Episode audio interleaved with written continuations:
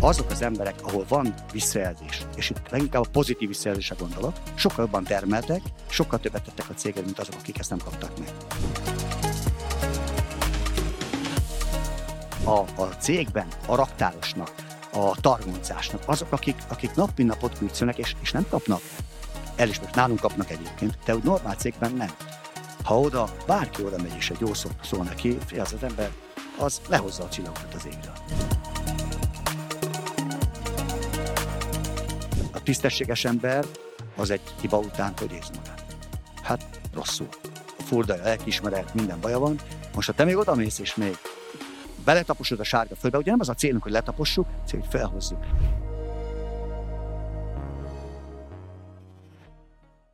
Elindítjuk az első podcast adásunkat. Köszönöm, hogy itt vagytok velünk. Az első vendégünk Markovics Béla, aki a Mapei Kft-nek az ügyvezetője, akit azért hívtam meg, mert hihetetlenül jól tud rendszerben gondolkodni, és ezt a tudást szeretnénk veletek megosztani. Béláról egyébként tudni kell, hogy 34 milliárdos árbevételt csinált Magyarországon, közel 300 munkatársal, és már lassan 30 éve működteti itt a céget Magyarországon. A vezetők legnagyobb problémája az, hogy nem jók a jutalmazási és büntetési rendszerek, és adott esetben emiatt a munkatársak elmennek egy másik helyre dolgozni, vagy nem tudják azt elérni, hogy termelékenyek legyenek az emberek. Béla elmondja a 30 év tapasztalatából, hogy pontosan hogyan kell használni ezeket a rendszereket. És az egyik legfontosabb rendszer egyébként önmagában, amit mindenkit foglalkoztat cégvezetőként, a teljesítménybérezés, és a Béla pontos adatokkal, számokkal és példákon keresztül fogja neked ezt bemutatni, hogy hogyan működik ez náluk. Ne csak azért nézd végig ezt a műsort, mert szeretnél tanulni a rendszerekről, hanem lesz lehetőséged egy egyórás beszélgetést Bélától megnyerni. De ezt majd csak a műsor végén. Ez itt a Gondolkoz rendszerben podcast, én Dienes Attila vagyok, a műsor házigazdája. Kezdjünk is bele! Béláról azért tudni kell azt, hogy vezetőként egy olyan alázat, egy olyan tisztelet jön ki belőle, amivel ugye a munkatársakat igencsak magas szinte tudta hozni, tehát 250 munkatársal azért a háta mögött igen szép céget építettek föl, ami azért 34 milliárdot tudott nekik hozni a konyhára de amögött belelátni a cégekbe, belemenni abba a részleteiben, hogy pontosan mi történik, azt gondolom, hogy ez a podcast meg fogja adni nektek erre a választ. És ugye azért is kérdezem Bélától itt legelső alkalommal, hogy ha azt mondjuk azt, hogy rendszerek, akkor mi az, ami neked azt mondod, hogy mindenképpen fontos lenne, hogy a cégben ott kéne, hogy legyen? Hát szia Attila, és köszönöm a hallgatókat is. Itt beszélgettünk a műsor előtt, hogy rendszerekben gondolkozni, rendszerekkel élni. Hát én rájöttem, hogy nekem nincsenek rendszereim, legalábbis úgy gondoltam, és te mondtad ki azt, hogy igenis vannak, és tudom, hogy vannak, csak már nem figyelek oda, hogy mi van. Valójában nekem, nekem egyetlen fontos, sok, sok rendszer van a cégben, tehát anélkül nem tudnék élni. Én azért megéltem azt az időszakot, amikor a rendszereim még nem is léteztek, nem kívánom senkinek. De van egy olyan fontos rendszerem, ami, ami nálam nagyon működik, és amit leginkább én működtetek, az az elismerésnek a rendszere a cégben. Ez az a rendszer, ami, aminek ott kell lennie, és ami mindig működtetni kell. Nekem ez nagyon bejött egyébként. Aztán majd gondolom később kifejtjük, hogy mi is ez, de hát. ez az az egyetlen olyan rendszer, ami, ami ha egyébként ha többi nem lenne, én mindenkinek ezt mondom, kicsit hazugság, akkor is tökéletesen működnénk. Hát na, nagyon kíváncsi vagyok rá, hogy te hogy használod, hogyan viszed be az életbe, hogyan, hogyan teszed azt meg, hogy ez neked mindig ott legyen a fejedbe, de hogyha mesélsz arról legelején, hogy ugye megemlítetted egy picit, hogy mikor nem volt ilyen rendszer, akkor mi történt, és, és hogyan indult, és hogy most hogy használod? Nagyon érdekes, ugye én 93-ban vettem át a céget, a cégvezetést, értékes töként kezdtem, de olyan értékes voltam, akinek fogalma nem volt, hogy mi ez az értékesítés amikor megkereste egy barátom, hogy gyere a mappaihez értékesítenek, hogy én épületgépészmérnök vagyok, kérdeztem, hogy és mit kell csinálni, azt beszélni. Hát mondom, öreg, az, az, az működik, azzal nincs gondom. És hát azért nem úgy van az értékesítés. Nekem például volt egy partnerem, akihez hat hónapig minden héten egyszer elmentem, mire hat hónap után rendelt 10 tonna ragasztott. Úgyhogy kellett hozzá kitartás. Na de a lényeg az, hogy átvettem a céget 93-ban, és ez még rosszabb volt, mint az értékesítenek beállni, hiszen akkor voltunk 12-en, és nekem fogalmam se volt, hogy mit jelent céget vezetni. Egyáltalán vezetni embereket. Egyet tudtam, hogy persze ki kell adni utasításokat, meg be kell hajtani, de hogy végül is mit jelent a vezetés, nem tudtam. És ez 93-ban volt, és oda jutottam ezzel a nem tudással, úgy, hogy a cég rohadt jól ment. Tehát nagyon mentünk, hogy 96-ban, nem tudom, hogy bárki, aki ezt most hallgatja, érezte azt a gyomorban megcsavaró görcsöt, amit én éreztem akkor, és képzeld el, hogy mentem be a cégbe minden reggel, és minden reggel, amikor értem, közelítettem a céghez, akkor lassítottam, hogy csak nehogy beérjek, mert ha beérek, akkor jött ez a, ez a csavarás. Úgyhogy el is kellett mennem orvoshoz. Volt egy olyan napom, amikor ez október volt 90, ez már 97 talán októberre volt, amikor alig tudtam kiszállni az autóból. És akkor el kellett mennem orvoshoz. Megtükröztek kétszer is, a fene a fülöket, és nem voltam gyomorfekér szerencsére, de akkor jöttem rá, hogy és addig semmilyen rendszer nem volt a cégben. Ugye ez nem egy induló cég. Mentünk előre, dolgoztunk, termeltünk, beszéltünk, az emberekkel én is beszélgettem, de, de nem voltak működő folyamatok, leírt folyamatok, mettől meddig tartanak ki a felelősségek, semmi nem volt, és aztán elkezdtük ezt betenni, külső segítséggel természetesen. Igen. Olvastam sok könyvet, akkor, akkor, tehát akkor hoztam egy döntést, hogy vagy abba hagyom, mert ott voltam, hogy ez, ez nekem így nem megy, vagy tanulok, hát inkább a tanulást választottam. És hogyha arról beszélünk, hogy a dicséreteknek a rendszere, tehát ilyen olyan könnyű kimondani, hogy hát így adjunk visszajelzést, de az embernek ugye nem biztos, hogy jön, nem biztos, hogy elsőre elő tudja kapni, hogy ez hogy kezdted el? Tehát mi volt az első ezután, hogy azt hogy na akkor ezt elkezdem? Nem vagyok olyan okos, mint amilyennek kinézek egyébként, nem saját magamtól jöttem rá erre. Ugye sokat tanultam, és a tanulásaim során hát arra a tapasztalatra jutottam, hogy lehet, hogy jobb az embereknek a jót megmondani, mint a rosszat oda csapni csak. Ugye én mérnökként, a mérnök mit csinál? A mérnök a hibát keresi. És én pont ilyen voltam, észrevettem mindenkinek a működésében azt, amit nem jól csinál. Ha az eredményeket néztem, akkor negatív eredményeket láttam. És aztán jött egy tanácsadó, és azt mondta nekem, hogy figyelj már Béla, tudtad azt, hogy aminek a figyelmedet szentel, azt kapod vissza?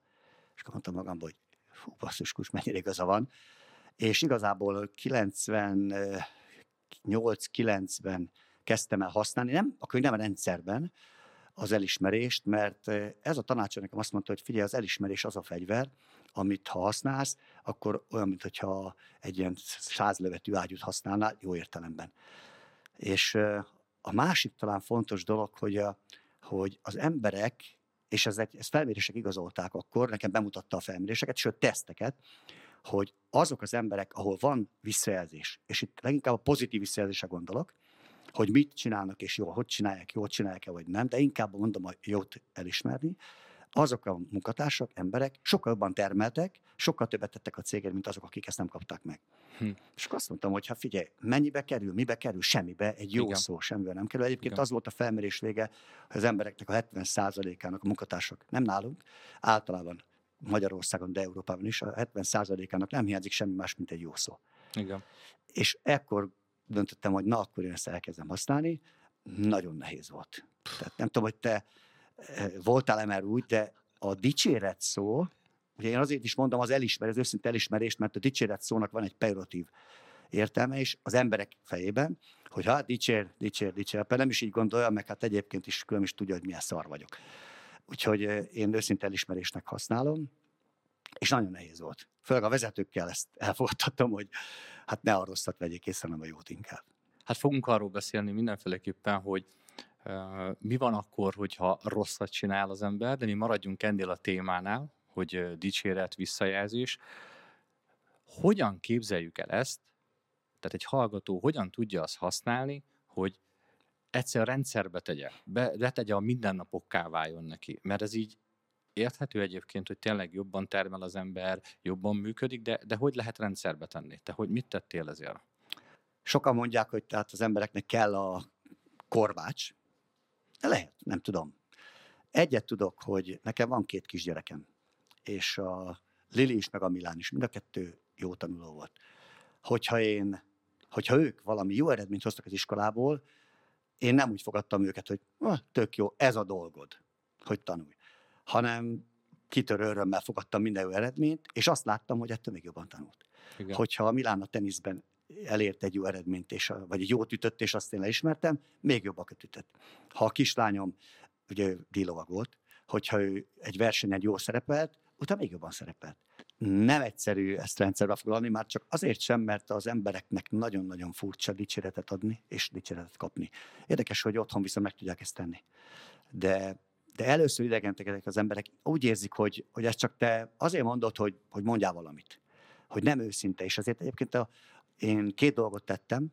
Az egyik, hogy bevezettem egy olyan működési rendszert a vezetőknek, hogy ők milyen időszakokban és milyen időszakonként biztosan kell, hogy elismerést osztogassanak a munkatársaknak. Uh-huh. Másik meg, hogy leírtam, hogy hogy kell elismerést adni.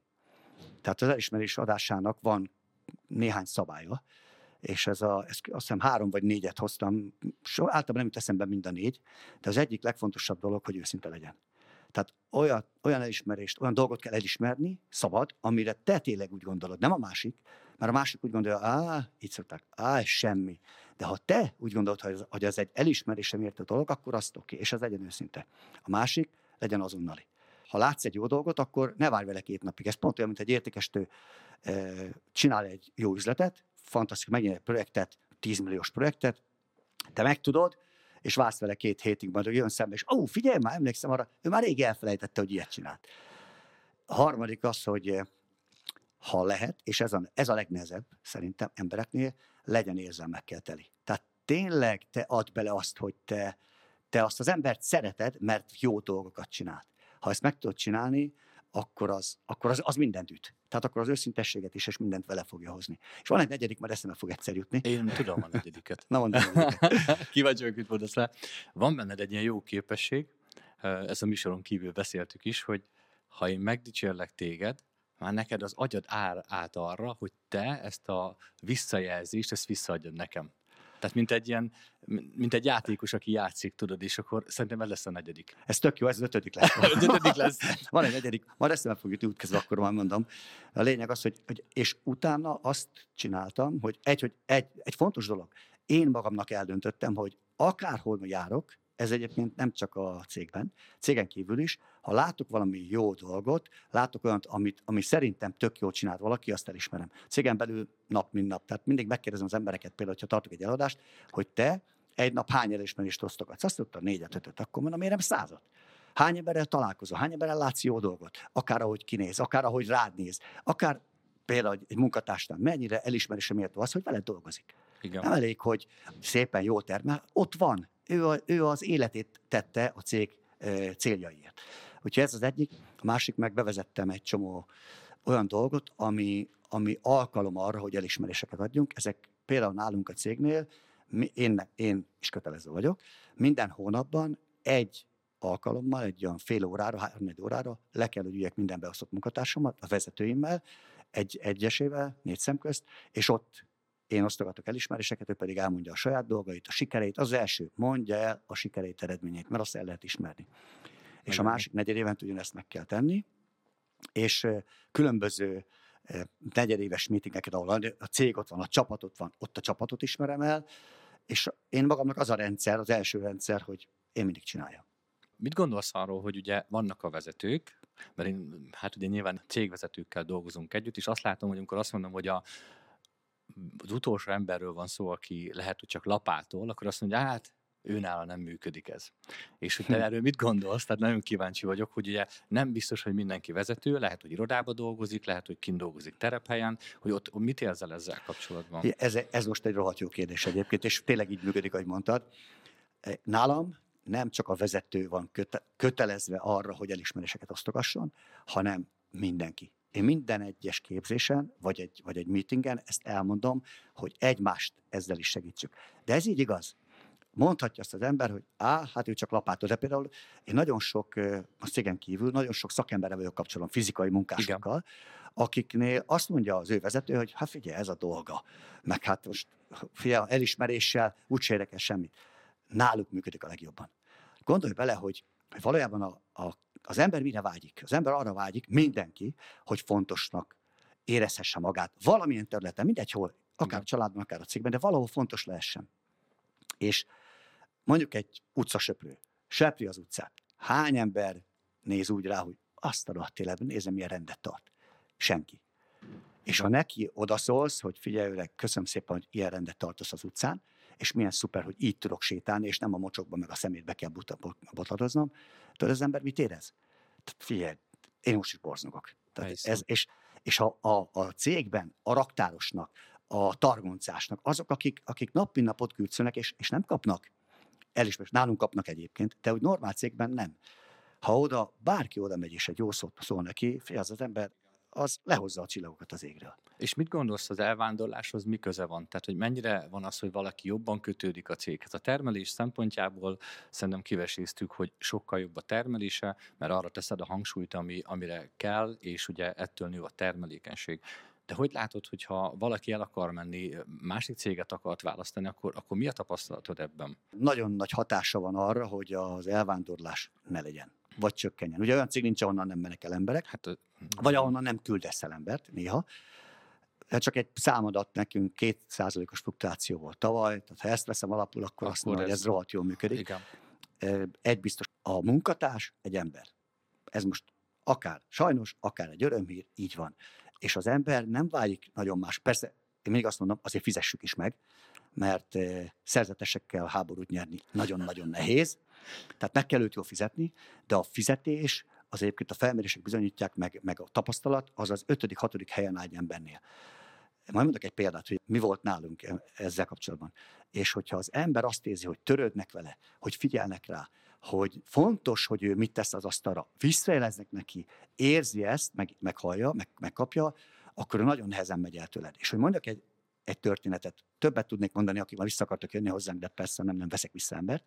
De volt egy srác a gyártásban, aki elment tőlünk nem messze egy konkurenciához, ugyanígy hasonló, nem konkurencia, hanem gyártócéghez, és elment, mert dupla pénzt ajánlottak neki. Nálunk egyébként középvezető, csoportvezető volt. Elment, majd hat hónap után felhívta az igazgatót, hogy jöjjön vissza. Mi történt? Kérdeztem. Nem, nem kaptam meg a pénzt, nem, nem tudjuk együtt fizetni, de megkaptam a pénzt, mindenem megvan, de tudod, most bocs, itt szarnak rám. Hm. Itt nincs egy jó szó, itt meg sem, megmondják, hogy mit csináljak, kész, és nem érdekli őket, hogy mi történik. Egy jó szót nem kapok. És az ember vissza, vissza, nagy visszavettük, egyébként nagyon jó munkatárs volt. Tehát az elvándorlásban a felmérések igazolják, nagyon nagy szerepe van annak, hogy hogy viszonyulunk a munkatárshoz. És nem csak a jó szót értem ez alatt, hanem azt, hogy érzi a munkatárs azt, hogy neked, mint vezetőnek, és itt tényleg az első szám vezetőről beszélek, meg az összes vezetőről, Igen. fontos ő. Fontos, hogy ott van nálad. Ha ezt érzi, akkor marad. Még egyszer mondom, fontos, hogy meg legyen fizetve. Tehát azért az az ember, aki azon gondolkodik hónap közepén, hogy a gyerekének hogy vegyen két kiló kenyeret, meg tejet, hát az nem fog nálad dolgozni. Abszolút. Tehát jó, nem, tehát nem azt mondom, hogy luxusban kell élnie, meg ugye mindenkinek megvan a maga életszínvonala, de tudnia kell jól élni. És, és így nem fog elmenni. Aztán, ha elmegy így, akkor azt mondom hogy mindig, hogy akkor menjen. Igen. Tehát nálunk is volt olyan, hogy, hogy az ember elment, majd hívott minket három, hogy jönne vissza, mondtuk, hogy bocs, hm. ide nem. Eldöntötted, hogy nem jó neked ez a, ez a millió, ami itt van, keresni kell jobbat. Nagyon érdekes, amit mondtál, hogy készítettek felmérést. Mi hat éve készítettünk elő először felmérést, hogy körülbelül hanyadik helyen lehet a pénz, és ötödik volt. Na. És amikor kész lett a felmérés, akkor mondtam, hogy nagyon szépen köszönöm. Még egy felmérés kéresek, mert ezt szerintem hamis. Nem hitted el? Nem, nem hittem el. Ott álltam, mondom, úristen, tehát nem lett ötödik helyen. Mondom, biztos valami megelőzi. Az nem azt jelenti, hogy nem kell a sok pénz, mert ugye mindig bármennyi pénzt el lehet költeni, de hogy, hogy megelőzi néhány dolog. Meg egyébként még hadd mondjak a pénzről Igen. valamit. Hogy azt mondják sokszor nekem, hogy pénzmotivált ember. Hát persze. Hát ki az a hülye, aki nem akar pénzt hát keresni? Hát ez állat, bocsánat, az bolond, ez nem normális. Tehát a, a motivációs szintek között is van ugye Igen. négy motivációs szint. Én azt mondom, hogy az a fontos, aki képes arra, hogy ő tudja, hogy azért, hogy pénze legyen, tennie kell. Így van. Ennyi az egész. És ha motivált lesz és kap vissza, akkor meg persze, pénzt termel. Persze. Nagyon egyszerű. Igazából én kettővel dolgozom, Jó. De, van, de négy az, amit mi használunk is, és így keressük az embereket is. Ugye indulok a leg, legföntről, le alulról indulunk. Az egyik ugye az a pénzmotivál. Aki pénz, csak pénzmotivált, tehát csak azért dolgozik, mert pénzt kap. Abban a pillanatban, hogy nem, nem kap pénzt, vagy kevesebbet nem dolgozik. Vagy nem úgy, ugye ezt az, hogy nem látod sokszor, ha vannak statok és azok helyesek, akkor látod. A statok alatt a statisztikát, a mérési rendszert értem. A második az a személyes nyereség, vagy a karrier motivált, és ez is fontos. Legyen igenis szándéka egy embernek, hogy ő akarjon előrébb haladni. De ne csak ez, tehát ez a kettő.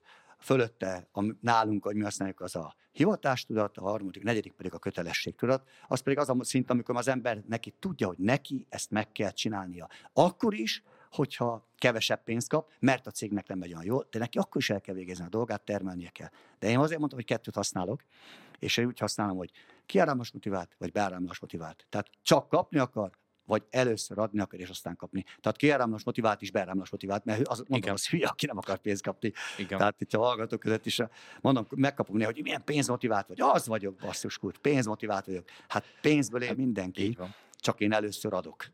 És én tudom, hogy először adni kell, és a munkatársaimnak is mindig ezt mondom, gyerekek, Egyébként ezt nagyon megtanulták, mi akkor tudunk nagyon sokat keresni, hogyha nagyon sok embernek segítünk az építési álmát megvalósítani.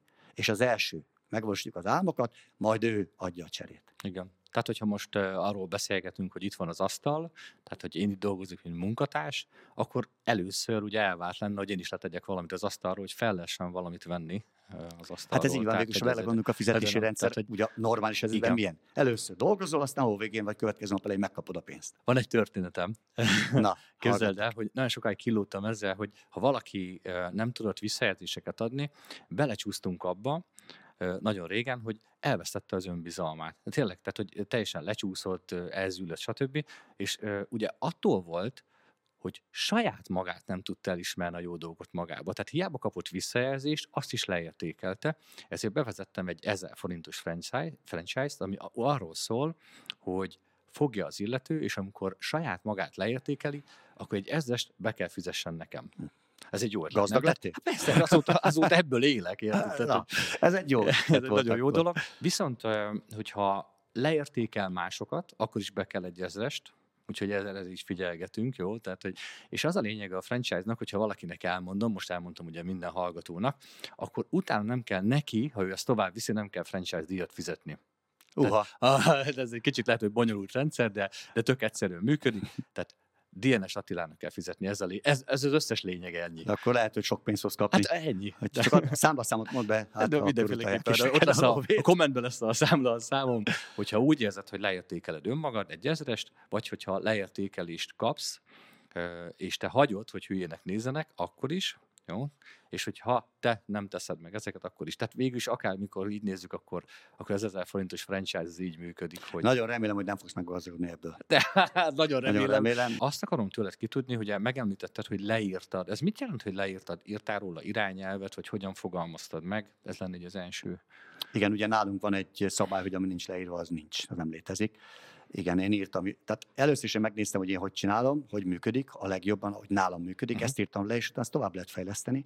Leírtam irányelveket, nálunk mi úgy is hívunk irányelveket, hogy szakmai leírások, ugye az, amikor ténylegesen szakmai uh-huh. dolgokat hogy kell csinálni, de irányelveket hoztam arra, hogy hogy kell működnie annak, hogy milyen sűrűn kell leülni egy munkatársal, egy ilyen leülésnek hogy kell neki nézni, pontosan le van írva, hogy mivel kezdesz, milyen körülményeket teremtesz, és a többi, és a többi. Erről mondasz egy picit? Tehát nagyon, tényleg hát, nagyon, nagyon egyszerű, ugye, ha, ha te leülsz egy munkatársal, és az a régi rendszerből is már még jött, amikor nem volt még ez nekünk, akkor mindig azt hittem a munkatársam is le akarod tolni, ugye.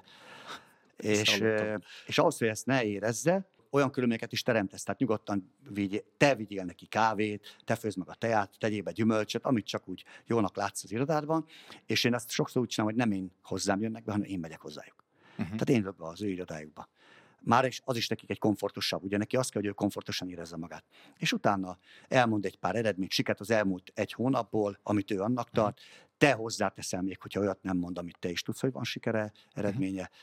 Adsz elismerést neki, elbeszélgetsz vele arról, hogy milyen gondjai vannak, miben kéri a segítségedet, miben tudsz neki te még hozzátenni, hogy tudna ő még többet adni, és ezeken a, a beszélgetéseken nincs hibáról szó. Erre később kicsit rá akarok térni. Mi van akkor, hogyha hibázik? Mert ezt mindig megkérdezik tőlem, amikor ezeket elmondjuk, hogy így működjünk, akkor ezek Most is megmondhatjuk egyébként. Na, Tök meg. egyszerű dolog. Tehát ha valakit hibán kapsz, valami rosszat tesz, olyat, aminek az eredménye, ugye az a hiba, az eredmény nem az optimális, hanem valami rosszabb annál. Ezt te meg tudod. Kiállsz mindenki elé, és akkor leoltod mindent. Egy, ezt nem. Tehát ugye egy, dicsérni lehet mindenki előtt, elismerni, letolni, vagy hibát felhozni csak négy szem közt, és nem szabad megvárni ezt az egy napot, amikor havonta egyszer leülsz. Ha látsz valami eltérést, oda mész, ha tiéd az ember. Ugye, hogyha nem a tiéd az ember, hanem vezetőé, tehát neked csak a bevezetőbe beosztottad, akkor hozzámész. És egyszer elmondod, ezt lát. Tény, itt nagyon fontos, nem személyeskedünk, nem azt mondjuk, hogy te milyen hülye vagy, hanem figyelj, ez történt, láttam, hogy az értékesítőd ezt a projektet elvesztette, azért, mert én utána jártam, ezt és ezt csinálta, légy szíves, van három vagy két napod arra, hogy az értékesítő korrigáld, menj vele, csináld meg, kész, ennyi. És nem megyünk tovább. És előtte is érdemes adni egy kis elismerést, hogy az, én látom azt is, hogy az értékesítő ezt meg ezt jót csinált, de ezt az egyet most korrigált. Tehát és magyarul egy, egy, egy pozitívval kezded mindenféleképpen. Persze, persze annyiban nagyon kell vigyázni, nem volt ilyen, ez előfordult, amikor ezt a srácok az, a, úgy vették a vezetők, hogy oké, okay, kezdjük pozitívval, figyelj, tök jó ez a dolog, nagyon jó, hogy azt, az, azt a partnert azt megszerezted, nagyon szuper ez, de. De. de tudtam, hogy ezt Na, azt mondtam, hogy azzal, azzal szépen sikerült sírre tenni a dolgot. És akkor utána ez, akkor jött az, hogy amikor jött, ment egy elismerés, hogy fú, milyen szuper ez a, a, mit tudom én, a, a, az a levél, amit megírtál. Aha, és mi a de?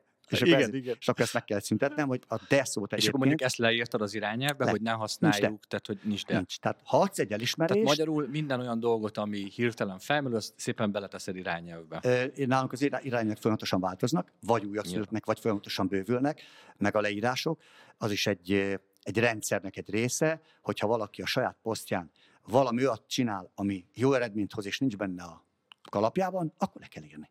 És utána a következőnek már, akinek átadjuk azt a posztot, annak így tanítjuk be. Úgyhogy igen, hát ez a dolog, ez így jól működik. Tehát magyarul bármi, ami van, tehát hogyha azt mondod, hogy jön egy új munkatárs, akkor fogod, megmutatod neki ezt az irányelvet, és ő megérti, hogy ez egy rendszernek a része, és pontosan le van benne írva, hogy az, hogy hogyan dicsérj, tehát kiemeled a jó tulajdonságát, képességét, ha jól értettem meg, minden benne le van benne írva, és az is le van benne írva, hogy ha téved, akkor adott esetben, akkor nem lecsesszük, hanem négy szem közt visszük tovább. Így van, így van. Ugye Jó, a értettem. hibát mindig négy szem közt, nem szabad. Láttam ilyet is, nagy tömeg előtt, tehát az, az ember a porig lett Hú. alázva, ott is hagyta a céget. Tehát, az, Elhiszem, ugye, mi, elhiszem. tehát ugye mi, a, mi a célja egy vezetőnek? Én ezt úgy hívom, hogy a, minden embernek van egy termelési szándék, a munkakednek is hívják. Én azt mondom, hogy egy erős szándék, hogy ő termeljen. Ezt a szándékot nekem vezetőként erősítenem kell. Soha nem törhetem le. Tehát ezért nem értékeljük a munkatársat, ezért nem adunk neki lecseszést, nem üvöltözünk vele, blá, blá, hanem normálisan, tisztességesen emberként bánunk, akkor is, hogyha elhibázta. Ha meg akkora hibát vétett, ami már azt mondjuk, hogy etikátlanság, komoly, akkor el kell küldeni. Azt is barátsággal, ne, akárhány embert elküldtem, mindenkivel jó barátság vagyunk most Igen. is, mert ott se aláztam meg őt. Egyszerűen nem odavaló abba a, mi cégünkbe. Úgyhogy Igen. ezt, ezt úgy lehet jól csinálni, hogyha a termelési szándékkal foglalkozunk, és tudjuk Igen. azt, ha egy ember, embert felemelek, akkor ő akar termelni. Ha letaposom, egyébként a tisztességes ember az egy hiba után hogy érzi magát? Hát rosszul. Furdaja, lelkiismeret, minden baja van. Most ha te még odamész, és még Még hozzá beletaposod a sárga földbe, ugye nem az a célunk, hogy letapossuk, célunk, Igen. felhozzuk. Igen. És ez, ezt egy elismerés, ezt egy, akár az csak, hogy normálisan szólsz hozzá, ez nagyon tudja nevelni. Igen. Most azon gondolkoztam, hogy itt van neked ez a hatalmas cég, és hogyha egyetlen egy embert úgy elküldenél, hogy ahogy, ahogy nem kéne, az elmenne a szomszédba, a haverjához, a barátjához, a, a mindenkihez, és a hírnevet, tehát milyen hírnevet tud ez generálni a háttérbe. Én pont láttam egy élő példát, amikor egy srác, mondtam, hogy figyelj, csak egy dolgot kell csinálnod, egyelőre az első pont, hogy ne ordíts az embereiddel. Hm. Mindenki előtt, hangosan az üzletbe. Ez az első. És ugye ezt nem hagyta abba, és mondta, hogy nem tudja miért, de ne, nem tud munkatársakat találni. Tehát, hogy nem tudom, tehát, hogy érted Elég a oka Tehát, hogy valami, és még ne- nem mentünk abba bele, hogy dicsérni kell, csak egyet mondtam neki, hogy figyelj, hagyd abba. Mhm. És nem hagyta abba, és az eredményekről nem akarok beszámolni, egyszerűen nem talál munkatársat, mert van a haverja, van a barátja, és a hírnév miatt egyszerűen nem mennek hozzá. Hogy erről van-e tapasztalatod esetleg? Hát eh, rengeteg ilyen tapasztalatom van, a, ha azt nézzük, hogy azért nem megy oda valaki dolgozni egy munkahelyre, mert hogy tudja, hogy ott, ott hogy bánnak az emberrel. Mert valakik közé tették, ugye akár ma már ott van a közösségi média, nagyon szépen közé lehet tenni azt, hogy valahol hogy bántak veled, illetve ott vannak a barátok, lehet nekik mesélni, és mesélnek is. Ugye a rosszat hamarabb elmondják az emberek, mint a jót Igen. és hamarabb, hamarabb meg is értik az emberek a rosszat. Igen, előfordul az, hogy valahol azért nem mennek a munkatársak, mert, mert ott nem úgy bánnak vele, és azért megy valahova az ember, mert ott akar dolgozni, mert ott emberként bánnak vele. És pont ezen dolgozunk mi is egyébként, hogy nagyon fontos egy cégnél például az is, hogy a cégnek a, az imázsát azt a munkatársakon keresztül is növelje. Tehát például most marha ötlete volt a, a nálunk a HRS szervezeti osztályvezetőnek hívjuk, de mindegy HRS vezetőnek, hogy azt csináljuk most folyamatosan, hogy minden egyes osztályról készítünk egy videót, ahol az osztálynak a munkatársai bemutatkoznak, elmondják, mivel foglalkoznak, elmondják, hogy mit csinálnak, hogy csinálják, és ezt közé tesszük. Közé tesszük a, benne a cégben, meg a Facebookon is. Minden egyes munkatársat bemutatunk a Facebookon, ők elmondják a saját dolgaikat, hogy ők miért szeretnek ott lenni, miért érzik magukat. De hogyha valaki ezt nem fogja föl, mint vezető, hogy nagyon fontos, az embert emberként kezeljük. Ez alatt azt értem, hogy van egy szabály, amit, amit én bevezettem a cégben, barom egyszerű szabály. Bánj úgy másokkal, mint hogy szeretett, hogy veled bánnak. Vagy Igen. szeretni veled bánjanak. Így van. Ez egy nagyon egyszerű szabály. Egyébként ott benne van a Bibliában is. Így van. Ha bár nem olvasok nagyon sűrűn Bibliát, de tudom, mert az egyik, egyik barátom az olvassa. És ha te ezt az egyet megérted, hogy, hogy neked csak úgy kell bánnod vele, ahogy szeretnéd, hogy ők bánjanak veled. Szeretnéd, hogy üvöltöznek veled? Szeretnék, hogy a beletaposnak a sárga földig, földbe. Szeretnék, hogy le, ledorongolnak. Szeretnék, hogy lekiabálják a hajat a fejedről. Hm. Nem szeretnéd. Igen. Ennyi az játék. Kérdezek egy olyat, ami gyakorlatilag mindig felszokott merülni, aki elkezd irányelveket írni, hogy nagyon jó, hogy leírja, megnyugszik a vezető, hogy úristen, megírtam az első irányelvemet, hogy adja el a munkatársamnak. Ha, ez nagyon jó kérdés, mert egy irányelvet azt nem csak egy bármilyen tanítást eléggé nehéz úgy átadni, hogy az azonnal működjön, illetve nehéz úgy átadni, hogy az folyamatosan működjön. Ugyanis vannak olyan irányelvek, amiket az ember két havonta egyszer kell, hogy figyelembe vegyen, és akkor el is felejti szinte. Ugye, ami nálunk működik, és nálunk ez a része nem volt még tökéletes, most alakul úgy ki, hogy a rendszerbe beillesztünk egy tanfolyam felügyelőt, és akinek az a dolga, hogy az irányelveket rendszeresen, folyamatosan kiszúrva dolgokat megtanítsa az embereknek. Uh-huh. Ugye itt nagyon fontos az, hogy az irányelvekkel mi úgy írjuk általában, hogy leírjuk, hogy miért hozzuk, tehát leírjuk, hogy mi történt a cégben, és annak kezelésére hozzuk egy, ezt a irányelvet, uh-huh. és utána ezt úgy adjuk át, hogy el kell olvasniuk az embereknek, és utána van -e mellé egy rövid ellenőrző lap, egy tesztszerűség, amit neki ki kell töltenie, meg kell válaszolnia, hogy ezt akkor megértette, az alapján látjuk, és utána használatban pedig megfigyeljük, hogy hogyan használja. És nagyon sok munka. Tehát azt hozzáteszem, ez nagyon sok munka. Ez pont olyan, mint hogyha te sportolni mész, elkezdesz edzeni, nagyon sokat kell edzened, hogy valamit jól csináljál. Hát egy irányelv, vagy egy, egy, egy szabály, mindegy, nevezzük, egy céges viselkedési szabály, bármi, Igen. nagyon fontos. A céges értékek, amiket az ember meghoz, nagyon fontos, hogy betartsák, azt is kell. Tehát ezt újra meg újra bele kell vésni a fejekbe látom, hogy a véredben van az irányelv, de tudom, hogy amikor mi is vezetünk be irányelvet cégeknél, hogy azért nem ennyire könnyű. Mit javasolsz te első lépés? Azt mondod, hogy megírtam az első irányelvet, hú, megnyugodtam, de jó, itt van a kezembe. Te mit, mit javasolsz egy hallgatónak, aki, az, aki ott ül és hallgatja most, hogy mit tegyen meg először? Tehát mi lenne, mi lenne amit azt mondod, hogy... Ha megírta az irányelvet? Igen. Ez attól függ, mekkora a cég, hogy vannak-e vezetői, alatta, vagy pedig ő egyedül a vezetés alatta, csak Nézzük munkatársak vannak. Kettőt. Hogyha vezetők vannak, én, én azt csináltam, én, hogy egy, most nem az első irányról beszélünk, az elsőt azt én írtam természetesen, Igen. de miután meglettek írva az irányelvek, szétküldtük a vezetőknek, nézzék ők végig, egy, értik-e, az, hogy egyetértek-e vele, vagy nem, az nem kérdés, hiszen velük ele, én először szóban mindig leegyeztetem, hogy mire kell irányelni, és mire akarok én hozni. És ha ők megértették, ők nyugodtan hozzászólhatnak, hogy figyelj, ezt a részt még egészítjük ezzel, azt a részt azzal. Ha ez helyes, akkor kiegészítjük, és amikor ez megvan, akkor ők adják át a munkatársaknak, általában úgy, hogy elküldik e-mailen, és utána meg, most, már, most már nem is csak e-mailen, most már e-learning rendszerben, ez online tanulási rendszer, megkapják a, a munkatársak, ki kell tölt, el kell olvasni, meg van határozva, meddig, ki kell tölteni az ellenőrző alapján a válaszokat, és visszakapja, és megnézi a vezető. És a működés látjuk. Tehát biztos, hogy én eléggé demokratikus vezető vagyok ebből a nézőpontból, egyébként nem vagyok az. Tehát a, a véleményem szerint nem tudom, mondhatok egyet, a cégben a demokrácia nem működik, tehát az, az a káoszhoz vezet. Igen. De minden esetre abban demokratikus vagyok, hogy meghallgatom az embereimet, és őket megkérdezem. Ha nincsenek vezetőim, csak a munkatársak vannak, akkor nekik el, el kell, tehát neki a munkatárs akkor fog irányát betartani, ha egyetért vele. hogyha van még tíz munkatársam rajtam kívül, nyugodtan küldjem el nekik, hogy gyerekek. Sőt, még én azt is megcsináltam, hogy összehívtam egy meetinget, gyerekek, ezt tapasztaltam, ezt a dolgot tapasztaltam, mondjuk például értékesítőket érinti, mondjuk van öt értékesítő, őket összehívtam, gyerekek, azt tapasztaltam, hogy a projekteket elbújjuk azért, mert nincs vezetve a naptár, vagy nem írjuk fel azt, amit a, amit a tárgyaláson megbeszéltük. Semmi gond, srácok. Meg is kérdezem, hogy lehet ezt elkerülni?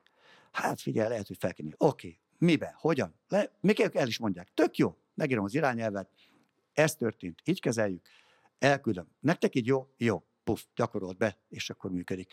Én ebben nem hagynám ki a munkatársakat ebből. Abszolút. Aztán vannak olyan, mondok egy példát, a, a cégnek van 11 értéke. A 11 értéket kb. 25 évvel ezelőtt írtuk össze, nem én írtam össze, hanem a partnereket megkérdeztük, és ezek alapján leültünk vezetők, beosztottak, vagy 15-en, és az alapján összeértük a 11 értéket. És az is irányelvbe foglaltad? Természetesen. Nagyon jó. A cég küldetését nem én találtam ki.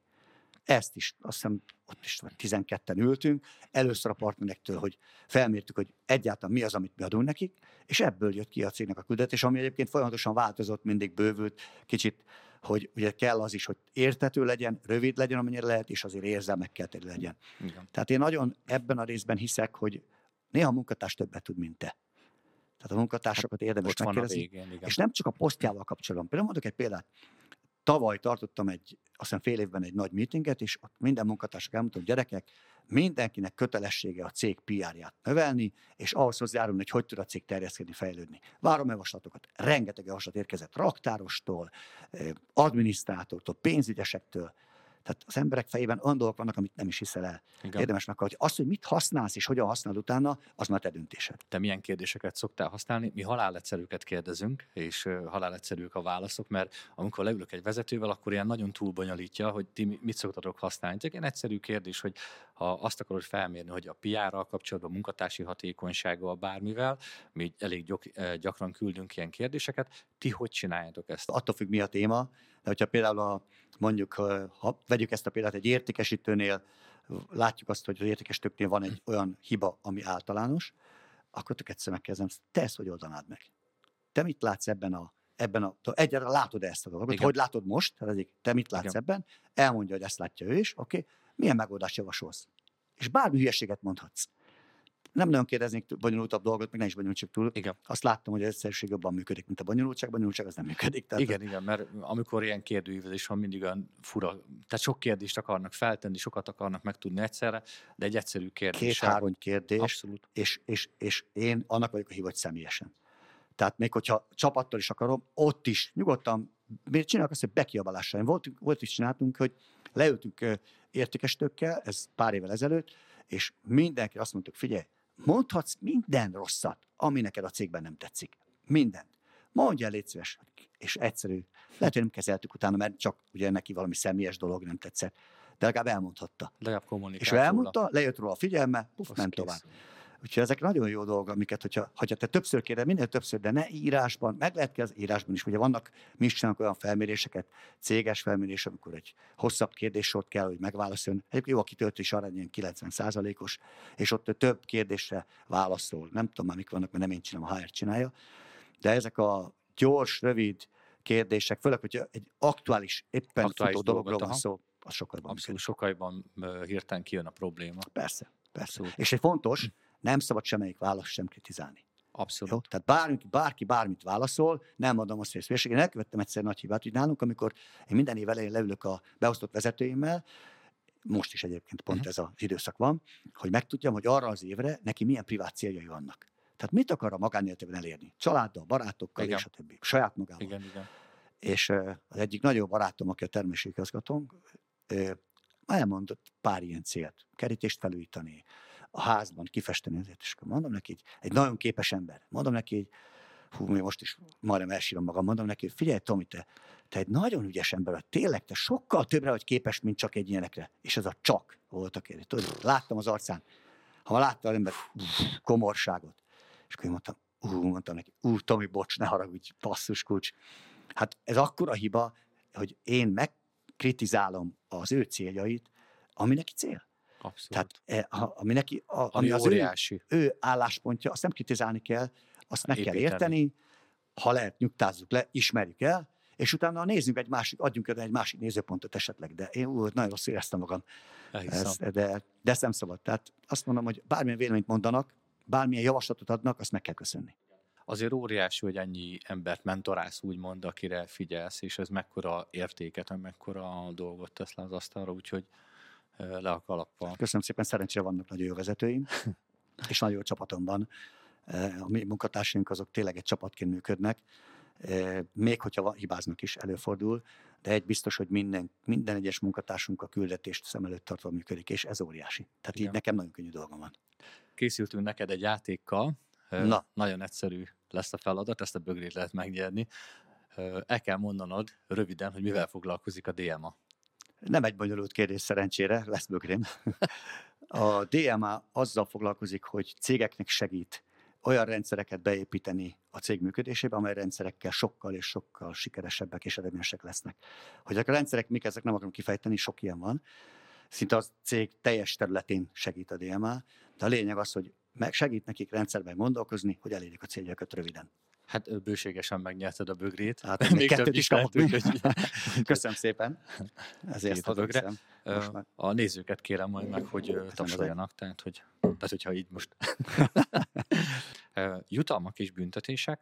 Tehát ugye beszéltünk arról, hogy jutalmazás, és az első jutalmazás az, amikor, a, amikor úgy gondolkodunk, hogy adjunk visszajelzéseket, ezt szerintem elég jól kifejtettük, beszéltünk irányelvekről, azokat, hogy kell adni az embereknek, hogyan vigyük tovább, de ha arról beszélünk, hogy jutalmak és büntetések, akkor te hogyan jutalmazod még az emberek, mi alapján ö, nézed meg, hogy ő jól dolgozik, rosszul dolgozik, tehát ezen felül? Kettő dolgot használunk, egyszer statisztikákat, mérőszámokat használunk, minden egyes posztnak vannak statisztikái, ami azt jelenti, hogy méri azt, hogy ő mit állít elő, és mennyit, és, és abból mi a jó, mi a esetleg rossz, és nézzük azt, hogy ez hogy halad rendszerűen. Tehát minden hónap elején le kell ülni minden munkatársal, fél óra, 20 perc, attól függ mennyi, és értékelni kell idézőltetem az értékelést, tehát Igen. felemelni, inkább úgy mondom. Ha ott az ember lát valami kis eltérést, akkor azt gyorsan korrigáltatni kell. A jutalmazások alapján nálunk, ugye a jutalmazás elsősorban jutalék, azt tudni kell, hogy nálunk az értékestők, akik, tehát azok, akik közvetlenül az értékestésben dolgoznak, tehát az eladók értékestők, Igen. ők jutalékosak, igen. Ugye normális. Igen. De minden egyes munkatársunk jutalékos is. Tehát van fix fizetésük, és mellette nagyon komoly jutalékot kereshetnek a saját teljesítmény alapján, egy részét, a másik részét pedig a cég teljesítmény alapján. Tehát magyarul egy csapatként működő egység teljesítménye alapján határozódik meg a keret. És abból ő részesedik az alapján, hogy ő mit teljesít a pasztján. Nézzük a statisztikákat. Jó. A stat a saját termelés, a stat a másoknak a segítés, ami az még nem mért adat, de azt látjuk, hogy áll a munkához. Hogy, hogyha van egy olyan feladat, ami nem kötődik a posztjához, de meg kell csinálni, akkor hogy ugrik, nem ugrik. Tehát ez, ez a kicsit szubjektívnek tűnik, de mégis, mégis ha nem is papíron mérjük, de látható. Tehát nézed a statisztikáját? Statisztika, az első az, hogy a termelése. Az milyen. Igen, tehát a termelés tehát az, az a legfontosabb. Tehát a termelésnek van egy olyan része is, hogy ő valójában a vezetőnek például mennyit kell őt rugdosni, hogy termeljen. Tehát ez is egy fontos dolog. Ha valakit nagyon sokat kell rugdosni, nekem volt olyan értékesítem, akit, aki rohadt jó termel, de, de akkor a figyelmet igényelt az embertől, hogy, hogy már többe került, már többe került mint, a, mint a termelése. Igen. És, de az első a termelés, van egy rendszerünk erre is, hogy hogyan kapják meg a jutalékot, tehát az értékestők ugye az értékesítés alapján, és ár és tömeg, tehát nem árbevételre, Igen. hanem ár és tömeg tehát alapján. az eredményét nézzük. Tehát Azt a, nézzük, aki... hogy amikor lejönnek a költségek, tehát Igen. a közvetlen költségei egy terméknek, akkor mi Igen. marad, amiből majd tudunk osztani. Igen. És a másik, hogy a szintén ár és tömeg szinten havonta kapnak a munkatársak is jutalékot a termelésük alapján, és utána rendszeresen negyed évente meg van határozva az, hogy mennyi jutalék lehet, ami lehet több is, kevesebb is, attól függően, uh-huh. hogy elérik, eléri a cég, vagy nem éri el a cég azt az eredményt, amit kitűztünk arra az időszakra. Igen. Elég egyszerű, aztán elég bonyolult is. Talán ami, ami még itt érdekes lehet, igen, hogy igen. és sok céggel beszélgetek arról, hogy vezesse már be jutalékos rendszert, igen. ne csak az értékesítőknél, hanem igen. vezess be jutalékos rendszert a, a munkatársaknak. De mindig ez merül föl, és, hogy hogy. E, de ez, és akkor erre jön az, hogy hú, hú szuper, figyelj, tök jó lesz, és, és nem azért kell bevezetni jutalékos rendszert, mert az ember csak pénzmotivált, hanem azért, mert a többlet teljesítményért több pénz jár. Kész. Ennyi.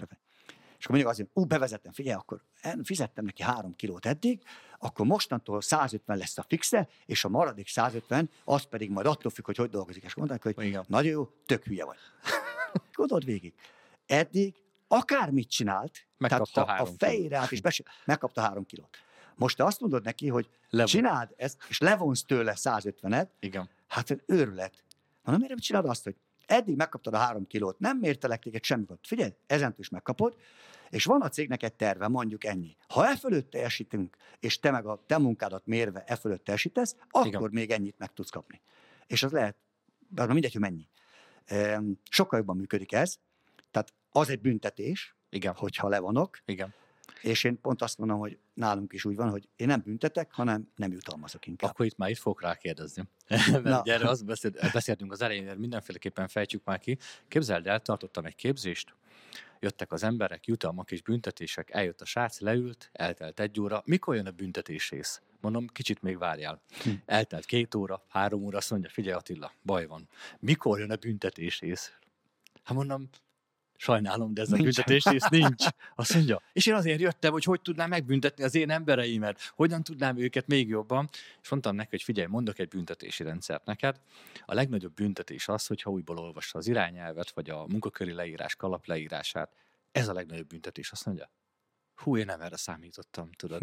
De teljesen másra gondolt, és ugye amire tőled vagyunk kíváncsiak, hogy te hogyan csinálod azt, hogy nagy hangsúlyt fektesz a jutalmakra, és ugye mindig a büntetés az egy nagyon, a büntetés idézőjelbe egy olyan rész, ami nem arról szól, hogy le kell vonni, és nincs benne, tehát hogy nagyon jól fogalmaztál, hogy 300-ról 150-re, és ha még kárt okoz, arra is egy kicsit ki akarok térni, akkor mi történik? Mhm. Jó? Először is nem alkalmazok büntetést. Tehát, ha úgy Tudtam, hogy az a baj. Itt, ez, ez az nagy hiba, lehet, hogy nagy hiba. Figyelj, megnéztem, és utána jártam, hogy a bűncselekményeket elkövetők között, akik utána börtönbüntetést kapnak, nem halálbüntetést, ugye Persze, nem csinál. Mennyi az, aki tényleg megjavul? Hát elenyésző százalék. Tehát, hogyha én azzal valaki nem teljesít, mondjuk egy értékesítő nem teljesít jól, és én még eleve ugye a jutalékban kevesebbet fog kapni, ami nem büntetés, hiszen ebben egyeztünk meg, ez egy szerződéses megállapodás. Igen. De még büntetem valamivel, ami mit tudom, még le vannak plusz tőle, és ez még, tehát bárhogy megbüntetem, akkor, akkor abszolút demotivált lesz. Tehát pont az, a, ugye én mondtam az elején, hogy termelési szándéknak a növelése, a büntetés a termelési szándékot csökkenti. Akármilyen eredményt is ért el. Persze, hogyha valaki olyan, annyira eredménytelen, akkor ne büntessük, váljunk meg tőle. Tehát Igen. egyszerűen tisztességesen kövessünk el mindent, hogy normálisan el tudjunk válni tőle. De az, amit mondtál, az egy nagyon jó büntetési rendszer, hogy igen, képezzük. Megmondom, nálam mi a büntetés? Az a büntetés, hogy kevesebb figyelmet kap. Hm. Tehát azt mondom, hogyha van mondjuk két értékesítő, ő húz, mint az állat, ő meg döcög, akkor Ja. azt mondom, figyelj, menjél, termelj, a, persze a képzés, hogyha kell neki, és azt mondja, figyelj, nekem nagyon jó lenne, hogyha gyakorolnánk a zárást. Oké, okay, ott van, menjél oda, tanuljál, tehát menjél és olvasd el ezt, olvasd el azt, és utána csináld és gyakorold be. A jó emberre pedig figyelek, hogy mit csinál, mi kell még neki, mi az, amivel még tudok neki segíteni, még ő neki meg csak annyi, azt csinál. tudod, hogy ez fordítva van? Kint Hát a tudom, világban? persze. Tehát, hogy mind, az, az kap figyelmet, aki nem dolgozik, Igen. érted? És akkor nem értik, hogy nem, nem termelnek. Hát, Ugye az a szabály, az nagyon jól működik. Aminek a figyelmedet szenteled, azt kapod vissza. Ha te a jónak szenteled, a jó teljesítménynek, és odaadsz több figyelmet, ez nem azt jelenti, hogy valaki nem ideálisan teljesít, hogy velem kell foglalkozni. Ez nem ezt jelenti. Tehát, hogy nem Igen. kell képezni, fejleszteni. Ez azt jelenti, hogy például, hogyha, e, mondok egy példát, ha egy jó értékesítő, vagy egy jó munkatársad van, azt elhívod egy ebédre, kettesbe elmentek ebédelni. A másikat nem hívod ebédre. Azt mondod, te csináld a dolgodat, öreg. Hm. Jó? Neki, ő ezt meg... Ugye ezek, amikor te figyelmed, az mindegy mi az, az jutalom. Igen, És a, egyébként a pénz is figyelem. így van. Tehát az is egy jutalom, Az az, is is egy jutalom. figyelem. És, és ez nálunk nagyon jól működik. És volt egy, egyébként az, amit elmondta a történetet. Nálunk volt egy hölgy, elment tőlünk. Ő azt mondta, egy nagyon jó termelt, követette hibákat is. És hát a termelési igazgató, ő volt a felettese, ő nem büntetőse. Hát, hogy ugye nem büntethet, mert ez a szabály nálunk, hogy nem büntetünk. És állandóan csak beszélgetett vele, hogy mit segítsek még, mit kell, milyen képzés kell, és elment. És azt mondta, hogy azért megyek el, mert ilyen nincs, hogy nem büntetnek. Elment, majd egy hónap múlva hívott minket, hogy jönne vissza, mondtuk, hogy nem. Tehát elment azért, mert nem büntetjük. Ott Hát igen, mert ez megszokott. Ez Tehát mondtam az ez- elején, ha valakinek ez a fajta cégvezetési kultúra Igen. nem tetszik, nem fekszik, nem kell Nyilván, hát dolgozni. akkor, akkor az Ennyi. más. Tehát, hogy abszolút. Úgyhogy én, én azt tudom javasolni minden nézőnknek, hallgatónak, hogy nem a büntetés hozza az eredményeket, hanem a, a figyelem. A figyelem. Figyelem, amin értem a jutalmazást, értem Igen. az elismerést, és értem az alatt azt, hogyha valaki pedig nem jól teljesít, akkor fejlesztjük, képezzük, ha pedig azon sem, akkor, akkor nem tudsz mit csinálni, mint szépen, normálisan, meg kell neki mondani, hogy figyelj, boldogítsál mást. Ennyi. Hát a konkurencia ő nekünk so segít. Lehet, hogy ott meg figyelj. Tudod, meg, hogy termelni fog. Egy példát hadd mondjak. Amikor átvettem a céget 93-ban, volt egy értékesítőm Dél, Dél-Magyarországon, egész Dél-Magyarország övé volt. És nagyon nehezen ment neki. Nagyon nehezen, tényleg. És akkor 94-ben talán valamikor ősszel behívtam, feljött, mert vidéki volt, feljött, és mondta neki, figyelj, mi szeretlek, imádlak, tök jó ember vagy, és nagyon akarsz látom, de valahogy ez az egész nem fekszik neked valami miatt, nem tudom miért, váljunk el. És mondta, hogy ez mondta, hogy de figyelj Béla, megcsinálok mindent, és, és ide. de láttam, hogy rosszul van, tehát azt láttam rajta, hogy az ember meg fog halni, hogyha ezt, ezt hagyom. Igen. És mondtam, figyelj, nem, Imi, tök jó ember vagy, sajnos ezt látom, hogy nem bírod. Tehát látom azt, hogy, hogy tönkre fogsz menni vele. Nem akarok téged tönkre tenni, váljunk el. Szépen megbeszéltük, kiment az ajtón, bejött a feleség hozzám, nyakamba borult, sírva, és megköszönte. De jó. És, és bocs, de nem ezért mondtam el. Azóta, utána az ember elment vállalkozni, és egy szuper jó vállalkozó lett. De neki az nem feküdt, hogy nálunk így, amit dolgozni kellett. De vállalkozóként tökéletesen. Érted? Tehát az, hogy nálad nem tud jól termelni, nem azt jelenti, hogy másod nem állja meg a helyét, nincs jó helyen. Mennyi hangsúlyt fektettek erre a képességekre, hogy egy munkatárs inkább a képességei, tehetségei szerint, hajlandósága szerint dolgozzon? Nagy figyelmet szentelünk természetesen, hogyha főleg akkor, hogyha egy munkatárs akar haladni előre, akkor biztosítjuk a lehetőséget. Nálunk nincsen karrierterv, nem tudtam még kitalálni a karriertervet, hogy hogy kell egy ilyen cégnél előre lefektetni, hogyha bejössz hozzám raktárosnak, akkor hogy lehetsz ügyvezető. Nem bírtam, viszont a lehetőség ott van nálunk. Például nekem e, volt egy asszisztensem, aki logisztikai asszisztens volt, uh-huh. és hozzám került. Tehát nagy hangsúlyt fektettük az előrehaladási lehetőségre, a képzésre, a fejlesztésre. Tehát arra, hogy hogy ők, ők amit kapnak, és ahogy kapják, azt utána kamatoztassák a munkájukban. Hiszen, és azt, hogy valaki, például nagyon egyszerű dolgot mondok. Volt egy, egy srác, akit felvettünk alkalmazás technikai vezetőnek. Alkalmatlan volt. Hm. De alkalmazás technikusi elméleti síkon viszont brutál jó, brutál jó volt. Nem rúgtuk ki, megbeszéltük vele, oké, okay, itt nem, de van egy poszt, és csináltuk egy posztot neki, figyelj, ezen a poszton fogsz te muzsikálni, azóta is nálunk lesz nem tudom, 20 éve, és nagyon jól csinálja a dolgát. Ő De... képzéseket tart, eljár egyetemekre, kér, szakmai szervezeteket tartja kapcsolatot, és stb. És, és ott van nálunk. De Meg kell találni az embernek a helyet. Lehet, hogy eljön értékesítőnek, ilyen is volt, jött értékesítőnek, alkalmatlan volt, áttettük, hogy mostán úgy hívjuk méreg tanácsadó, szuper profi, olyan jó, most ez is már tíz év itt van a srác nálunk. Tehát lehet, hogy rossz helyen van, csak lehet, hogy a cégnél van rossz helyen, lehet, hogy csak a posztján van rossz helyen. De nagyon kell figyelni. Ezt látod a teljesítményéből. Látod róla, ránéz, azért kell leülni, ránézel, látod rajta, hogy ő kínlódik. Tehát örömmel csinálja, vagy kínlódva vagy csinálja. Aha. Ha valaki kínlódva csinál, nem jó. Van nektek a többi munkatárs. Igen. Mondjuk több szinten dolgoznak, Igen. és ők, ha kiválasztunk egy magasabb vezetői réteget, vagy egy, vagy egy a, akik mondjuk lent dolgoznak termelésbe, ezeket hogy csináljátok? Mert ez mindenkit érdekel, de ugye nem mindenki tudja ezt jól rendszerezni. Hogyan rendszereztétek ti? Először is megtervezzük az évet. Ezt már mi érdekes módon szeptemberben elkezdjük, és már novemberre kész van a jövő évi tervünk. És az alapján, a terv alapján minden vezető saját magának készít egy negyedéves célkitűzések táblázatot, kitölti, mit akar abban a negyedévben elérni, ami utána az ő terveit és az ő végeredményét, értékes végtermékét meghozza. De ez alapján nem osztok minősít, nem, nem jutalmazok, ez, ez, ez nem a jutalom alapja.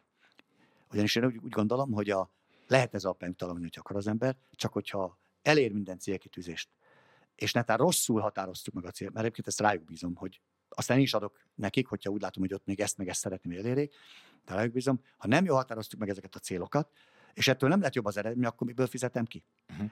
És ezért ezt én nem jutalmazom, hanem ezen ott a figyelmem. Minden hónapban ránézünk, hogy miket írt le arra negyedéve, hogy rajta legyen, fussanak ezek a dolgok, és utána viszont ők is, a vezetők is ugyanolyan jutalmazási és jutalékos rendszerben vannak, mint bárki más, a, ha nem értékesítő, és az az értékesítésben részvő vezető kivételek, ők jutalékosak teljes mértékben. Uh-huh. Az azt jelenti, hogy akár raktáros, akár valamilyen vezetőbeosztású, több hónapot tud hozzákeresni a pénzéhez, hogyha a statisztikák rendben vannak, és a cég hozza az eredményeket. De mondjuk egy statisztikát, ha most itt a nézőknek, hallgatóknak egyetlen egyet így ki tudnánk fejteni, hogy mit nézel meg, mi az, ami neked fontos szempont. Mondok egyszerű dolgot. Köszönöm. Mondjuk egy, egy marketing vezetőnél az ő statisztikája, az a, ami, amire ő hatással tud lenni, az a kiáramlás. Például. És azt nézzük, nem is azt nézem, nézem, a stat, nézem azt is a statban, hogy milyen reakciók vannak, mi a végeredmény ennek, de valójában ő, amire hatni tud, persze a jó szöveggel tud arra is hatni, hogy azt többen elolvassák, és a többi, de ha ő többet áramoltat ki, jól, mert ugye ki kell képezni, akkor az eredmény is jobb lesz. Például ez lehet egy statisztika. Lehet az a statisztika egy marketing osztályvezetőnek, hogy a reakciók száma. Ez is lehet. Csak ne felejtsük el, hogy akkor lehet, hogy kevesebbet küld ki, kevesebb lesz a reakció Így automatán. Igen. Tehát hol rövid távon lehet, hogy több lesz, mert jobb a szövegek, meg, meg jobb a leve- levél, meg jobb a videó, amit kiküldött, de hosszú távon nem. De például lehet mondjuk egy raktárosnál, de akkor raktárosok szét vannak szedve posztokra, mondjuk egy kocsi rakodónál, a megrakott, hibátlanul megrakott autók száma. Ezt ő vezeti saját magát. Igen. És ebből látjuk, hogy hetente Tehát a munkának az eredményét írja. Mi- a mindig a munka- meghatározzuk, mi a, az eredménye, mi az a hívjuk értékes végtermék, de mi az eredmény, amit létre kell hoznia, Mhm. és annak teszünk egy mérőszámot, meg vannak alstatisztikák is persze, de ezt a mérőszámot nézzük, meg nézzük az alstatokat is, hogy alakulnak, mert lehet például, ugye értékes egy alstatisztika a tárgyalások száma, és ugye nála azért az értékesítésnek a, a bevétel, ami, ami a Igen, de a, mérvadó. a, De a a bevétel után, nagyon függ az, hogy ő, Mhm. ő mennyit fog de a bevétel szerezni. után kapja Így a van. plusz jutalékot. Így van. Tehát, és könnyen lehet az, hogy a tárgyalások száma éppen növekszik, de még a bevétel nem követi. Nálunk azt vettük észre, hogy kb. 3-4 hét múlva követi a bevétel. Úgyhogy de azt is lehet tehát nézni az értékes, nem azt díjaznám, hogy mennyit tárgyal, hanem azt, hogy mennyi bevételt hoz, azt díjaznám. Igen. De vannak például könyvelőknél, ott például a helyesen lekönyvet, mi elkövettünk egy hibát a könyvelőknél, hogy csak azt mértük, hogy a hibák. Tehát mennyit hibázott, ez volt. Ugye itt azt nagyon gyorsan mondtam, mondtam neki, hogy a term, eh, a, a gazdasági vagy a- és a könyvelés miatt számvitel oszt- osztályvezetőnek, hogy Igen. a könyvelésnek az eredménye nem a hiba, Így hanem a helyesen időben lekönyvelt tételek száma. Ez a, ez a eredmény, ez a terméke. De a ez hiba már, az, ez már mérhető. ez a mérhető, és ezt mérjük.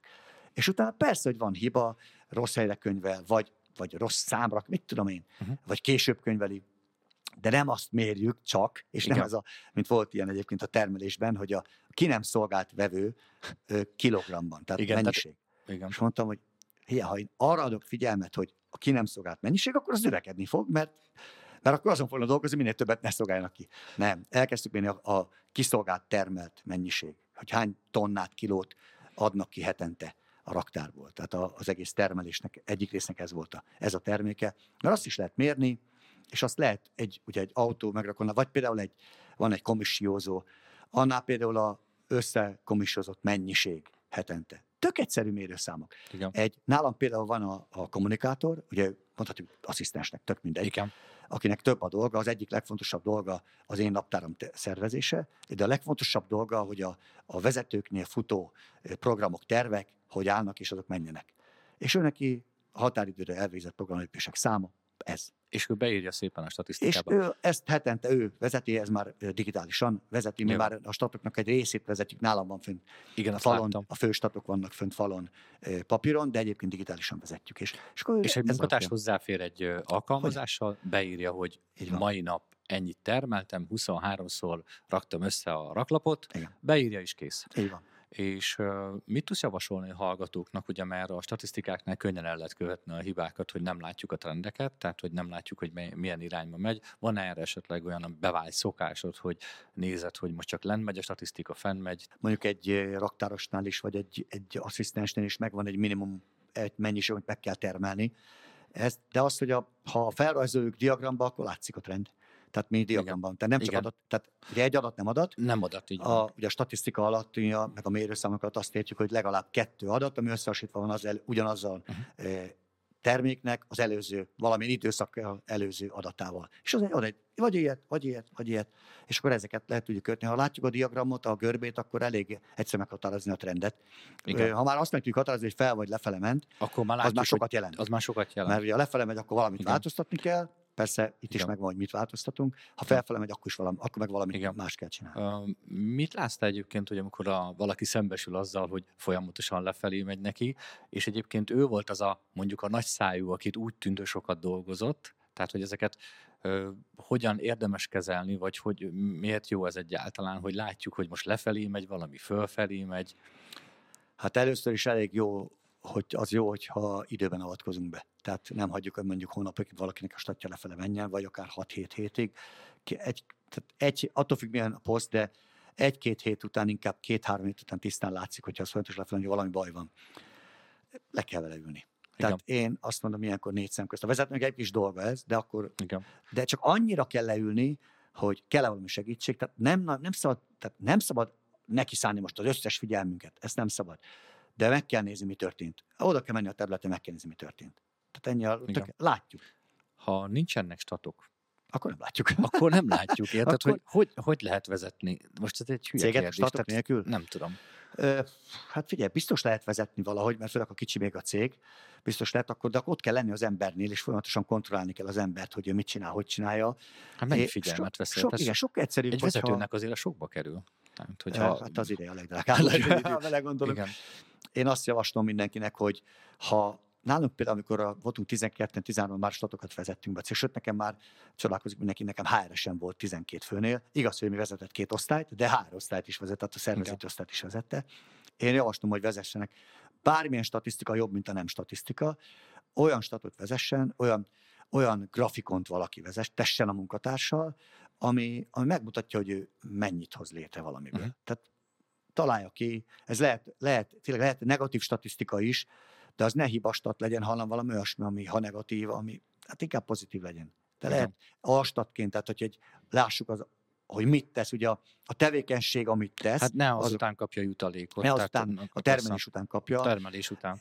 Le kell, egyszerű, le Mhm. kell, nem egyszerű, bocs, sok munka, le kell ülni, meghatározni a posztokra az eredményt, amit elvárok tőle, hogy, de az eredmény nem az, hogy szépen írja a leveleket. Nem. Ha levéles a feladata, akkor egy nap vagy egy héten hány darab levelet, illetve mi a legírt, pontosan, helyesen megírt, kiküldött levelek száma. Ez, ez egy ténylegesen befejezett valami. És ha ez megvan, akkor ezt mérem, és látom abból, hogyha ő ennyit írt meg, akkor meg lehet kérdezni, figyelj, Igen. Mondjuk, mondjuk az én beosztottam, és az én levelőmet írja, és mondjuk neki pont az lenne a dolga, hogy a, és az a statja, hogy a levelek száma, akkor én megkezdem, figyelj, látom, hogy két hete folyamatosan csökken, és akkor mondja azt, hogy uh-huh, mennyit adtál? Mert attól függ, hogy annyi levelet ír, amennyit én Amennyit- adok neki. Igen. Tehát mondjuk ilyen statot nem is mondok neki. De például az, hogy a, a lezárt programlépéseknek a száma, így a határidőre lezárt programlépések száma, leülök, látom, hogy két hete megy lefelé, és akkor megkezdem, mi történt. És akkor egyszerű dolgunk van, hát mond, mondja, igen, ez meg az nem, nem, nem csinálta meg. Hm? És egyszer, te mit csináltál? Hát ezt meg azt meg azt. Hogyan tudtam elérni, hogy meg legyen időben? Hát előbb kellett volna. Tök jó, vezest be. Már írjuk is le. Mennyivel Igen. előtte kell, egy, egy ennél a vezető, mert ez szinte emberre van szabva, ennél a vezetőnél mennyivel előbb kell neki figyelmeztetnie őt, hogy csinálja meg azt a dolgot, hogy elkészüljön határidőre. Egy beszélgetés. Ezek gyorsak, pár perc, Hm. de működik nagyon jó. Tehát, de mindenképpen valamit vezessünk, hogy én, mint vezető, ne olyan legyek, mint a, sokan hozzák ezt a példát, tök egyszerű. Én nem a gép, repülőgépes példát hozom. Egy röplabdaedző vezeti a statisztikát, ott ül a segédedző, és írja emberekre vonatkozóan, hogy jó ütés, helyes, leblokkolták, tak, és a végén megnézzük, hogy egy meccsen ki mit hozott. Igen. És egy az alapján voltak jutalmak, kettő, kinek mivel kell fejlődnie. Ebből nagyon jól lehet látni. Ha megtudod, hogy valakinek a statja merre megy, hol mit hibázik el, hol mit nem csinál meg, Hm. hogy egy biztos, egy statisztikát, azt mindig valaki okozza, valaki kreálja. Nincs egy magától statisztika, megy föl vagy megy le. Tehát mert ugye ez szokott lenni, amikor azt mondják, Igen. lefele megy, hú, mert a vevő, értékesítő, mert a vevő ezt nem fogadta el, Igen. mert oda az a termék nem volt jó neki, és akkor mindig csak azt mondja, hogy semmi gond, te mit tettél? Igen. Te hogyan érted el, hogy a statod lefele menjen? Csak nézzük meg. És ezt is barátsággal. Tehát fontos, ne hergeljük fel magunkat.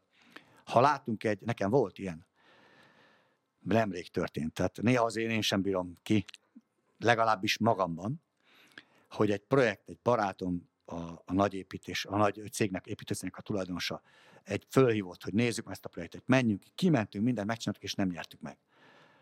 És akkor, és engem meg nem hívtak föl, hogy figyelj, baj van.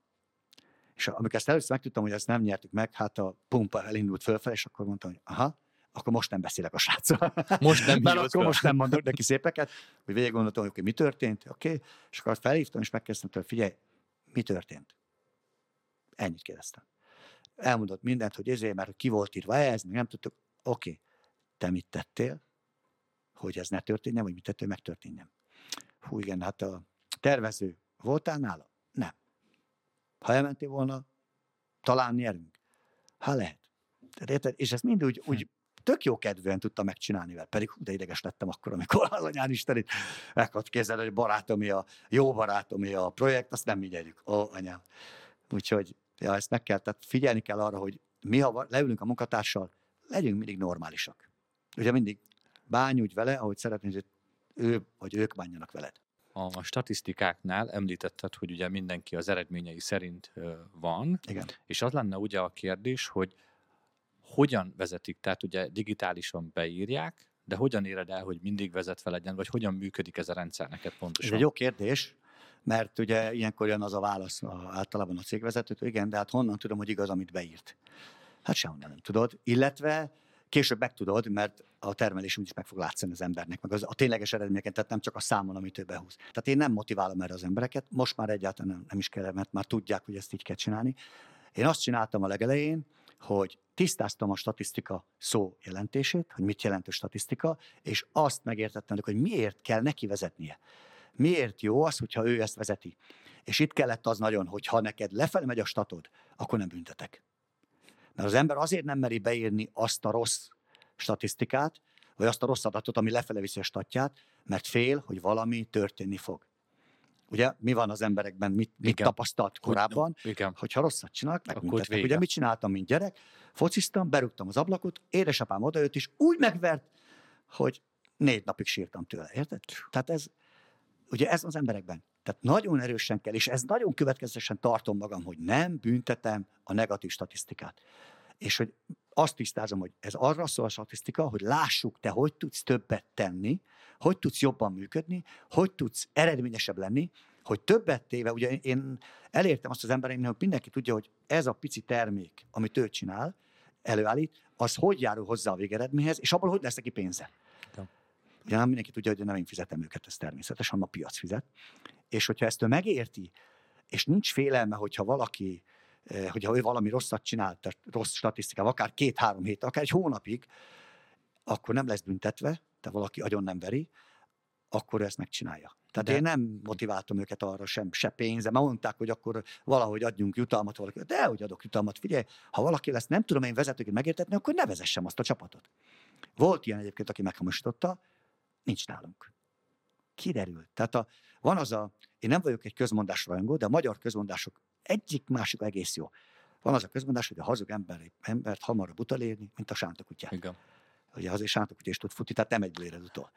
De kiderül. És ilyenkor nem tudsz mit csinálni. Valaki statisztika meghamisításért azonnali elküldés. Tehát az, az csalás. Ugye csalókkal nem tudunk dolgozni. Ha én megtettem mindent, hogy ő értse, hogy nem büntetünk, és hogy csak azért vezettetjük a statot, egy, hogy ez alapján tudunk jutalmazni, plusz ez alapján tudjuk azt, hogy neki szüksége van vagy segítségre, vagy egy jutalomra, vagy fejlesztésre, vagy bármi másra. Igen. Szerintem az emberek nagy része tisztességes, normális, és ha te jól megérted ezt velük, akkor ők megértik.